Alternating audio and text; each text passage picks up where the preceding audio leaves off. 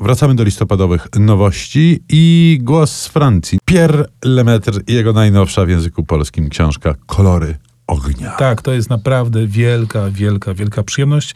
Pierre Lemaitre jest znany przede wszystkim jako autor kryminałów, ale wiemy już od pewnego czasu, w każdym razie od ukazania się powieści Do zobaczenia w zaświatach, że on ma nieprawdopodobny temperament powieściopisarsko-obyczajowo-historyczny. E, Kolory ognia to jest druga odsłona e, takiej trylogii, ale trylogii, która luźnie, fabularnie powiązane jest między sobą. Znaczy te związki są, ale nie trzeba znać wcześniejszej części, żeby cieszyć się e, fabułą Kolorów ognia. Historia jest kapitalna. Zaczyna się bardzo y, mocnym wejściem. Mamy uroczysty pogrzeb wielkiego finansisty. Nagle trach, spada ciało mojego chłopca, wnuczka, który rzuca się z okna na trumnę dziadka. I potem wydarzenia będą może nie od razu pędziły, ale nabierały tempa jak kula śnieżna. Bo, bo Lemaitre jest bardzo wyrazisty narracyjnie, tak to chyba trzeba by powiedzieć. Jest wyrazisty narracyjnie, to jest ewidentnie stara, klasyczna szkoła powieściowa. Ja w ogóle mam wrażenie, że ta książka jest ewidentnie, znaczy mam wrażenie właściwie, Lemaitre się do tego przyznaje, to jest hołd dla Aleksandra Dima e, i przede wszystkim hrabiego Monte Cristo, bo to jest opowieść o zemście, o samotnej kobiecie, która, bogatej kobiecie, która ma niepełnosprawnego syna, pada łupem różnego rodzaju e, cwanych hien, które chcą jej majątek wyjąć i będzie szukała wyrównania rachunków, a w tle kapitalny obraz Francji e, okresu przedwojennego, przed II wojną światową. Świetna powieść, satysfakcja, jakiej, jak, jaką się odczuwało czytając klasyków XIX wieku. Zupełnie inne podejście do narracji, do opowieści ma Bianka Bellowa, której druga książka właśnie ukazuje się po polsku. No właśnie, bo myśmy panią już poznali. Poznaliśmy ją za sprawą Jeziora. To było przejmujące. Która to książka odniosła dość spory sukces w Polsce i na świecie, i gigantyczny w Czechach. Mm, bardzo pięknie e, wydana druga książka, zresztą szata graficzna mm, zbliżona do pierwszej e, e, książka Ma dwie dziurki na okładce, powiedzmy od razu. Tak. Jeziora miało jedną, a tu są dwie rzeczywiście.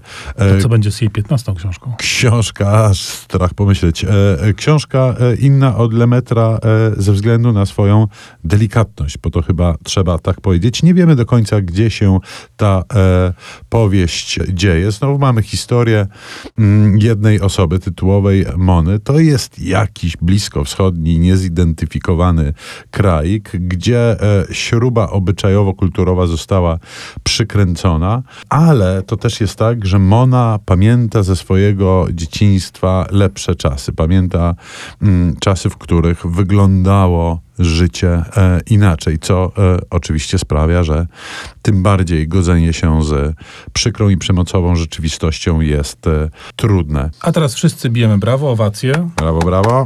Ponieważ witamy w Piątce Literatury nowe wydawnictwo, które zainaugurowało swoją działalność tej jesieni, wydawnictwo Filtry.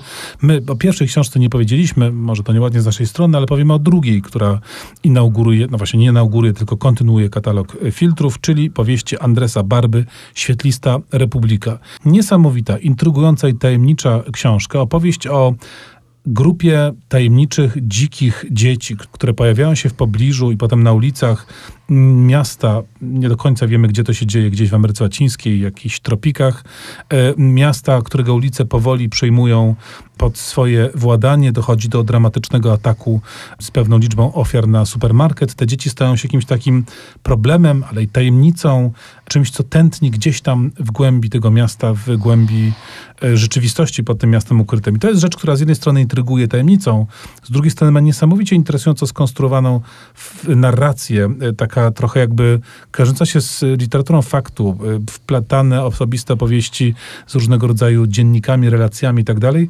Bardzo, bardzo błyskotliwa, interesująca książka. Tym bardziej się cieszymy, bo nowe wydawnictwo publikujące literaturę i to jeszcze tak dobrą. Andres Barba, Świetlista Republika, zdecydowanie ja mówię tak.